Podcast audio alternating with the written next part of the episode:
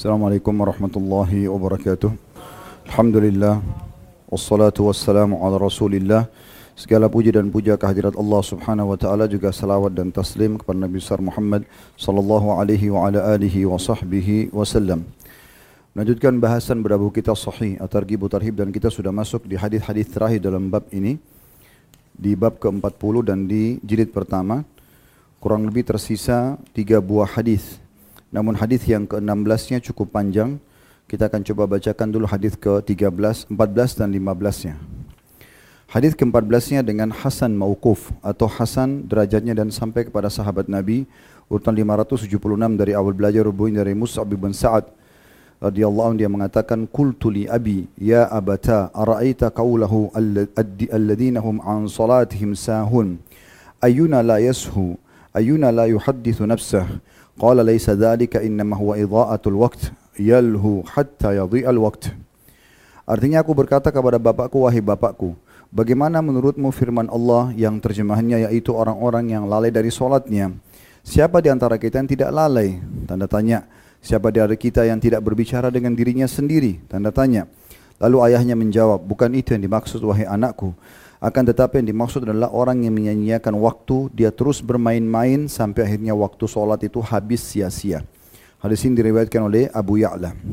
Dari hadis ini kita lihat pelajaran atau ambil pelajaran bagaimana dijelaskan oleh Musa bin Sa'ad, Sa'ad bin Abi Waqqas radhiyallahu anhum. Sa'ad menjelaskan tentang makna firman Allah SWT, alladzina hum an salatihim sahun, mereka yang lalai dari solatnya. Maka dijelaskan di sini bukan lalai itu berarti tidak khusyuk dalam solat. Bukan itu yang dimaksud dalam ayat ini secara khusus. Walaupun tadi sudah kita jelaskan di waktu duhur, butuh untuk menyempurnakan solat kita tiga hal, tepat waktunya, tepat gerakan, dan tepat juga bacaannya. Namun di sini beliau menghususkan secara uh, uh, khusus lagi makna daripada surah tafsir salah satu surah Al-Maun yaitu alladzina hum an salatihim sahun. Mereka adalah orang yang lalai. Lalu dikatakan oleh anaknya, bukankah kita semua lalai? Tapi bisa saja kita menghayal kemudian kita kembali konsentrasi lagi dan juga siapa yang tidak berbicara dengan dirinya sendiri. Maka beliau mengatakan bukan itu yang dimaksudkan, tapi orang banyak melalaikan waktunya sehingga akhirnya keluar dari waktu dan sia-sialah waktu dia tidak diisi dengan solat. Dari hadis ini kita ambil pelajaran tentang tafsir ayat ini secara khusus. Namun tetap kembali kepada konsep dasar tadi yang sudah kami sampaikan. Untuk menyempurnakan sholat kita, kita harus melihat tiga hal. Tepat waktunya, di awal waktu punya keutamaan tersendiri di sisi Allah Subhanahu Wa Taala dan ini amal yang paling Allah cintai.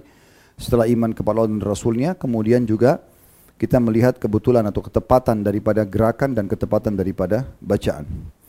Hadis ke-15 dalam bab ini dengan sanad sahih urutan 577 dari awal belajar berbunyi dari Naufal bin Muawiyah radhiyallahu anhu bahwa Nabi SAW bersabda man fatathu shalah faka'annama wutira ahlahu wa malahu faka'annama wutira ahlahu wa malahu barang siapa yang waktu solat terluput darinya maka seolah-olah keluarga dan hartanya diambil secara paksa hadis ini diriwayatkan Ibnu Hibban dalam sahihnya yang dimaksud dengan hadis ini adalah siapa yang betul-betul meninggalkan solat, baik itu awal waktu luput dari dia tanpa ada udur syar'i, sebagaimana pendapat Imam Ahmad ini berarti dia berdosa karena wajib mengerjakan di awal waktu tanpa udur. Ya, kemudian kalau dia sia-siakan, dia mengerjakan misalnya dia sengaja tunda hanya karena duduk ngobrol sama temannya atau yang lainnya, masuk dalam kategori di sini kena ancaman seakan-akan dia kehilangan seluruh harta dan keluarga yang dia miliki, maksudnya istri sama anaknya, ada juga yang mengatakan tidak, keluar dari waktu yang telah ditentukan. Misalnya dari duhur, awal waktu duhur sampai akhir waktu duhur, dia tidak kerjakan sampai hanya masuk asar. Dan ini lebih sejalan dengan makna tafsir tadi hadis sebelumnya. Alladzina hum an salatim sahun. Maksudnya orang kalau betul-betul meninggalkan solat sampai keluar dari waktunya, baru dia mau kerjakan. Ya. Kalau dia tinggalkan sama sekali lebih besar lagi dosanya. Maka seakan-akan dia kehilangan harta dan juga keluarganya. Hadis terakhir dalam bab ini cukup panjang, saya bacakan supaya kita tutup uh, jilid pertama kita ini dan insya Allah besok kita akan masuk ke jilid kedua dari buku Sahih Targhib Tarhib ini. Hadis nomor 16 dengan sanad sahih urutan 578 dari awal belajar berbunyi dari Samura bin Jundub radhiyallahu anhu beliau berkata, karena Rasulullah SAW mimma yukthiru an yaqula li ashabi hal ra'a ahadukum hal yara hal ra'a ahadun minkum min min ru'ya faqala fayaqussu alaihi ma syaa Allahu an yaqus. وإنه قال وإنه قال لنا ذات غداة إنه آتاني الليل اثنان وإنهما بعثاني فإنهما قال لي انطلق وإني انطلقت معهما وإني أتيت على رجل مضطجع وإذا آخر قائم عليه بصخرة وإذا هو يهوي بالصخرة برأسه فيثلج فيثلج أو فيثلج فيثلج رأسه فيتدهده الحجر فيأخذه فلا يرجع إليه حتى يصح رأسه كما كان ثم يعود عليه فيفعل به مثل ما فعل مرة الأولى. قال قلت سبحان الله ما هذان؟ قال لي انطلق انطلق. فأتينا على رجل مستلق قفاه وإذا آخر قائم عليه بكلوب من حديد وإذا هو يأتي أحد أحد شقي وجهه فيشرشر شدقه إلى كفاه. ومنخره إلى كفاه وعيناه إلى كفاه. قال وربما قال أبو رجاء فيشق. فقال أو قال ثم يتحول إلى الجانب الآخر فيفعل به مثل ما فعل بالجانب الأول. قال فما يفرق من ذلك الجانب حتى يصح ذلك الجانب كما كان ثم يعود عليه ويفعل مثل ما فعل المرة الأولى. قال قلت سبحان الله ما هذان؟ قال لي انطلق انطلق فانطلقنا. فأتينا على مثل التنور. قال فأحسب أنه كان يقول فإذا فيه لغة. وأصوات. قال فاطلعنا فيه فإذا فيه رجال ونساء أرات فإذا هم يأتيهم لهو من أسفل منهم. فإذا أتاهم ذلك اللهو ضوضأوا. أو ضوضأ. قال قلت ما هؤلاء؟ قال لي انطلق انطلق. قال فانطلقنا فأتينا على نهر حسبت أنه كان يقول أحمر مثل الدم. وإذا في النهر رجل سابح يسبح. وإذا على شط النهر رجل قد جمع عنده حجارة كثيرة وإذا ذلك السابح يسبح ما يسبح ثم يأتي ذلك الذي قد جمع عنده الحجارة فيفغر فاه فيلقمه حجرا فينطلق يسبح ثم يرجع إليه كأنما رجع إليه فرغ فاه فالقمه حجرا. قال قلت لهما ما هذان؟ قال قال قال قال قال لي انطلق انطلق. فانطلقنا فأتينا على رجل كريح المرأة. كأكره ما أنت راء رجل مرأة أتو مرأة. وإذا عنده نار يشهها ويسعى حولها قال قلت لهما ما هذا؟ قال لي انطلق انطلق. فانطلقنا فأتينا على روضة مؤتمة. في آه، مؤتمة فيها من كل من كل نور الربيع وإذا بين ظهر الروضة رجل طويل لا أكاد على رأسه طولا من السماء. وإذا حول الرجل من أكثر ولدان رأيتهم قد قال قلت ما هذا؟ ما هؤلاء؟ قال قال قال. dua kali jadinya. قال لي انطلق انطلق. فانطلقنا فانتهينا إلى دوحة عظيمة. لم أرى دوحة لم أرى دوحة قط أعظم ولا أحسن منها. قال قال لي ارقى فيهما. فارتقينا إلى مدينة مبنية بلبن ذهب. ولبن ولبن فضة فأتينا باب المدينة فاستفتحنا ففتح لنا. فدخلناها فلتلقانا رجال شطر من خلقهم كأحسن ما أنت رائن وشتر منهم كأقبح ما أنت رائن قال قال لهم اذهبوا فقعوا في ذلك النهر. قال وإذا نهر معترض يجري كأنه ماءه المحض في البياض. فذهبوا فوقعوا فيها فوقعوا فيه. ثم رجعوا إلينا. قد ذهب ذلك السوء عنهم فصاروا في أحسن سورة قال قال لي هذه جنة عدن وهذا منزلك. قال فسمى, فسمى بصري سعدا فإذا قصر مثل الربابة البيضاء. قال قال لي هذا منزلك. قال قلت لهما بارك الله فيكما ذراني أدخلها أدخله قال أما الآن فلا وأنت داخله. قال قلت لهما فإني قد رأيت منذ الليلة عجبا فما, فما هذا الذي رأيت؟ قال قال لي إني سنخبرك. أما الرجل الأول الذي أتيت عليه يثلق رأسه بالحجر فإن الرجل يأخذ القرآن فيرفضه وينام عن الصلاة المكتوبة. وأما الرجل الذي أتيت عليه يشرشر شدقه إلى قفاه ومنخره إلى كفاه وعينه إلى كفاه فإنه الرجل يقدو من بيته فيكذب كذبة. فيكذب الكذبة تبلغ الآفاق. وأما الرجال والنساء الأرات الذين هم في مثل بناء التنور فإنهم الزنات والزواني وأما الرجل الذي أتيت عليه يسبح في النهر ويلقم الحجر فإنه آكل الربا. وأما الرجل الكريه وأما الرجل الكريه المرأة الذي عند عند النار يحشه ويسعى حولها فإنه مالك خازن جهنم. وأما الرجل الطويل الذي في رو في الروضة فإنه إبراهيم. وأما الولدان الذين حوله فكل مولود مات على الفطرة. قال فقال بعض المسلمين يا رسول الله وأولاد, وأولاد المشركين فقال رسول الله صلى الله عليه وسلم وأولاد المشركين وأما القوم الذين كانوا شطر منهم حسن وشطر قبيح فإنهم قوم خلطوا عملا صالحا وآخر سيئا تجاوز الله عنهم Hadis ini cukup panjang terjemahannya Dan hadis ini tentu sebagaimana sudah kita bahasakan tadi adalah hadis yang sahih terjemahannya. Di antara yang sering Rasulullah sallallahu alaihi wasallam katakan kepada para sahabatnya di pagi hari selepas sholat subuh, apakah salah seorang dari kalian sempat bermimpi? Lalu beberapa orang menceritakan mimpinya kepada beliau sallallahu alaihi wasallam. Suatu pagi beliau berkisah kepada kami, Tadi malam aku didatangi dua orang malaikat. Keduanya mengajakku. Ini kata Nabi SAW. Keduanya berkata kepadaku, bangkitlah. Aku pergi mengikuti mereka berdua. Kami mendatangi seorang laki-laki yang berbaring sementara di atasnya berdiri seorang lagi dengan batu besar di tangannya. Tiba-tiba yang berdiri menghantamkan batu itu ke kepala orang yang berbaring sampai kepalanya hancur. Lalu batu itu menggelinding. Dia yang menghantam itu lalu mengambilnya. Tidaklah dia kembali ke arah orang yang telah dihancurkan kepalanya kecuali kepalanya sudah kembali seperti sedia kala. Kemudian setelah itu dia, melakukan, dia melakukan kepadanya seperti yang dilakukan di pertama kali, yaitu menghantamkan batu sampai kepala orang yang baring itu pecah lagi.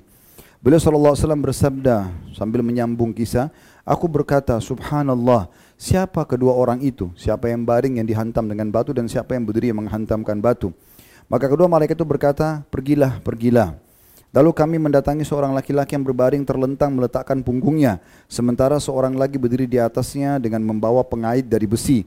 Lalu mengarahkan pengait itu ke salah satu sisi wajahnya, lalu memotong rahang bawahnya sampai tengkuknya, hidungnya sampai tengkuknya, dan matanya sampai tengkuknya. Rawi hadis ini berkata, mungkin Abu Raja berkata, lalu membelahnya. Sambung beliau, sallallahu alaihi wasallam, lalu dia pindah ke sisi lain dan dia memperlakukan hal yang sama. Jadi dari mata, dari hidung dan dari rahang ditarik sampai ke tengkuk, disobek dia. Lalu kemudian dari sisi kanan pindah ke sisi kiri orang tersebut. Lalu dia berkata, tidaklah dia menyelesaikan sisi itu melainkan sisi yang lain telah pulih seperti sedia kala. Kemudian orang yang tadi merobek itu kembali lagi kepada sisi yang sudah pulih, lalu kemudian mengulangi seperti sedia kala. Lalu Nabi SAW bersabda, Aku mengatakan subhanallah, siapa kedua orang ini? Kedua malaikat mengatakan pergilah, pergilah. Kemudian kami berangkat, kami mendatangi sebuah tungku. Dia mengira perawi hadis berkata ternyata terdengar dalamnya suara teriakan atau suara-suara dan teriakan-teriakan. Lalu Nabi SAW bersabda, kami menengok ke arah tungku tersebut yang besar. Ternyata isinya adalah kaum laki-laki dan kaum perempuan yang telanjang. Tiba-tiba kobaran api datang kepada mereka dari bawah mereka. Jika kobaran api datang kepada mereka, maka mereka berteriak histeris ketakutan. Beliau lalu bersabda, aku berkata, siapa mereka? Maka kedua malaikat itu mengatakan, pergilah, pergilah. Lalu kemudian beliau bersabda lagi, lalu kami berangkat, kami mendatangi sungai. Menurut uh, perawi hadis adalah warnanya merah seperti darah. Tiba-tiba di sungai itu terdapat seorang perenang yang berenang. Dan dia ber, terus menuju ke tepi sungai di mana di sana berdiri seorang laki-laki yang telah mengumpulkan banyak batu di sisinya.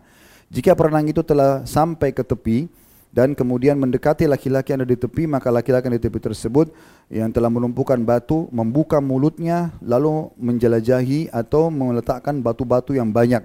Lalu orang itu kembali berenang setelah dipenuhi mulutnya dengan batu setiap kali dia menghampiri maka dia membuka mulutnya lalu dijejali lagi dengan batu Aku berkata kepada dua malaikat tersebut, siapa kedua orang itu? Maka kedua malaikat itu mengatakan, pergilah, pergilah. Lalu kami berangkat, kami mendatangi seorang laki-laki yang tidak enak dipandang. Sebagaimana kamu membenci melihat seseorang yang tidak enak dipandang. Ternyata dia mempunyai api, dia menyalakannya dan menjaga di sekelilingnya. Maka beliau pun bersabda, SAW mengatakan, Aku berkata kepada kedua malaikat tersebut, siapa orang ini? Maka keduanya mengatakan, pergilah, pergilah. Lalu kami pergi, kami mendatangi kebun dengan pohon yang rindang. Di sana terdapat semua bunga musim semi. Ternyata di tengah-tengahnya, di tengah-tengah kebun terdapat seorang laki-laki yang sangat tinggi. Aku hampir tidak melihat kepalanya saking tingginya ke angkasa. Ternyata di sekelilingnya ada laki-laki tersebut ada anak-anak yang belum pernah kulihat sekalipun melihat anak-anak kecil sebanyak itu. Lalu kata Nabi SAW, aku berkata kepada para malaikat, siapa orang ini? Malaikat mengatakan, pergilah, pergilah. Lalu kami pergi, kami mendatangi pohon rindang yang besar. Aku tidak pernah melihat pohon, pohon rindang yang besar seindah itu. Beliau bersabda, kedua malaikat itu lalu berkata kepadaku, panjatlah. Maka kami pun naik ke kota yang dibangun dengan batu emas dan batu perak. Nah, bata emas dan bata perak. Kami mendekat ke pintu kota. Kami minta agar pintu dibuka, maka ia pun dibuka untuk kami. Kami masuk, kami disambut dengan beberapa laki-laki yang separuh tubuhnya sebagus apa yang kamu lihat, sedangkan separuh lainnya seburuk yang kamu lihat. Beliau bersabda, kedua malaikat itu bersamaku berkata kepada mereka, pergilah dan masuklah ke dalam sungai itu. Kemudian beliau bersabda, ternyata di sana ada sungai yang membentang dan mengalir, seakan-akan airnya putih total. Mereka pergi ke sungai itu dan masuk ke dalamnya, kemudian kembali kepada kami sementara keburukan mereka telah lenyap, sehingga mereka sekarang berada dalam bentuk yang paling bagus. Lalu beliau bersabda, kemudian keduanya berkata kepadaku, ini adalah surga Aden. Ini adalah rumahmu atau istanamu. Lalu beliau bersabda, pandanganku bergerak naik. Tiba-tiba aku melihat istana seperti awan yang putih. Lalu bersabda, keduanya berkata kepadaku. Lalu Nabi SAW mengatakan, kedua malaikat berkata kepadaku, ini adalah istanamu. Lalu beliau berkata lagi, aku berkata kepada mereka berdua, semoga Allah memberkahi kalian berdua, izinkan aku masuk. Keduanya malaikat, kedua malaikat mengatakan, belum sekarang namun nanti pasti kau akan memasukinya. Lalu beliau bersabda, aku berkata kepada kalian berdua, sungguhnya aku benar-benar telah melihat keajaiban sejak malam ini. Apa yang telah aku lihat semua ini, tolong jelaskan. Maka kedua malaikat pun mengatakan, sekarang kami akan memberitahukanmu. Adapun laki-laki pertama yang kamu datang yang dihantam kepalanya dengan batu, maka sungguhnya dia adalah seorang laki-laki yang menghafal Al-Quran lalu dia menolak mengajarkannya. Dan dia tidur lalai dari sholat fardu. Jadi ini saksi bahasan kita orang yang punya beberapa surah-surah Al-Quran, kemudian dia tidak pakai dalam sholat wajibnya. Ada atau dia tinggalkan sholat wajib sementara Allah sudah berikan dia Al-Quran. Kemudian yang kedua adalah, adapun laki-laki yang kamu datangi sementara rahang bawahnya dipotong ke tengkuknya, hidungnya di ke tengkuknya dan matanya ke tengkuknya. Jadi semua ditarik dari sisi matanya ke tengkuk, mulut ke tengkuk, hidung ke tengkuknya, dari ke lehernya. Maka adalah seorang laki-laki yang berangkat dari rumahnya lalu dia berdusta dengan dusta yang memenuhi cakrawala ini mudah sekali di zaman sekarang dengan cara orang menyebarkan berita yang tidak benar dari medsos gitu. Yang ketiga, adapun laki-laki dan kaum wanita yang telanjang yang berada di bangunan seperti tungku yang keluar api, maka mereka adalah kaum laki-laki bezina dan kaum perempuan bezina. Yang keempat, adapun laki-laki yang kamu datangi sementara dia berenang dan disuapi dengan batu, maka dia adalah pemakan riba. Yang kelima, adapun laki-laki yang tidak enak dipandang yang ada di samping api di mana dia menyalakannya dan menjaga sekelilingnya, maka dia adalah malaikat Malik penjaga neraka jahanam. Yang keenam, adapun laki-laki yang tinggi badannya sampai tidak nampak wajahnya, itu adalah Ibrahim alaihissalam. Dan yang ketujuh, adapun laki-laki, adapun anak-anak yang berada di sekelilingnya, maka mereka adalah semua bayi yang mati di atas fitrah. Lalu perawi hadis mengatakan, lalu sebagian kaum muslimin bertanya, ya Rasulullah, bagaimana dengan anak-anak musyrik kata Rasulullah SAW dan anak-anak musyrik juga. Adapun kaum laki-laki yang setengahnya, ini yang kedelapan, adapun kaum laki-laki yang setengahnya bagus dan setengahnya buruk, mereka adalah kaum yang mencampur adukan antara amal baik dan amal buruknya. Lalu Allah memaafkan mereka. Oleh karena itu mereka diperintahkan untuk masuk ke dalam sungai dan sungai yang dikenal dengan sungai pembersihan yang ada di surga. Dari sini teman-teman sekalian kita tutup jilid satunya dan dari beberapa kisah tadi yang sudah disampaikan kita bisa lihat saksi bahasan kita adalah golongan yang pertama yang Allah berikan kepada dia Al-Quran kemudian dia tidak menggunakan dalam sholatnya atau tepat dalam sholat wajibnya Allahu alam. Ama golongan-golongan yang lain sudah dipaparkan tadi terlalu panjang kalau kita ingin rincikan yang penting sudah bisa difahami insyaallah. Subhanakallahumma bihamdika asyhadu an la ilaha illa anta astaghfiruka wa atubu ilaik. Assalamualaikum warahmatullahi wabarakatuh.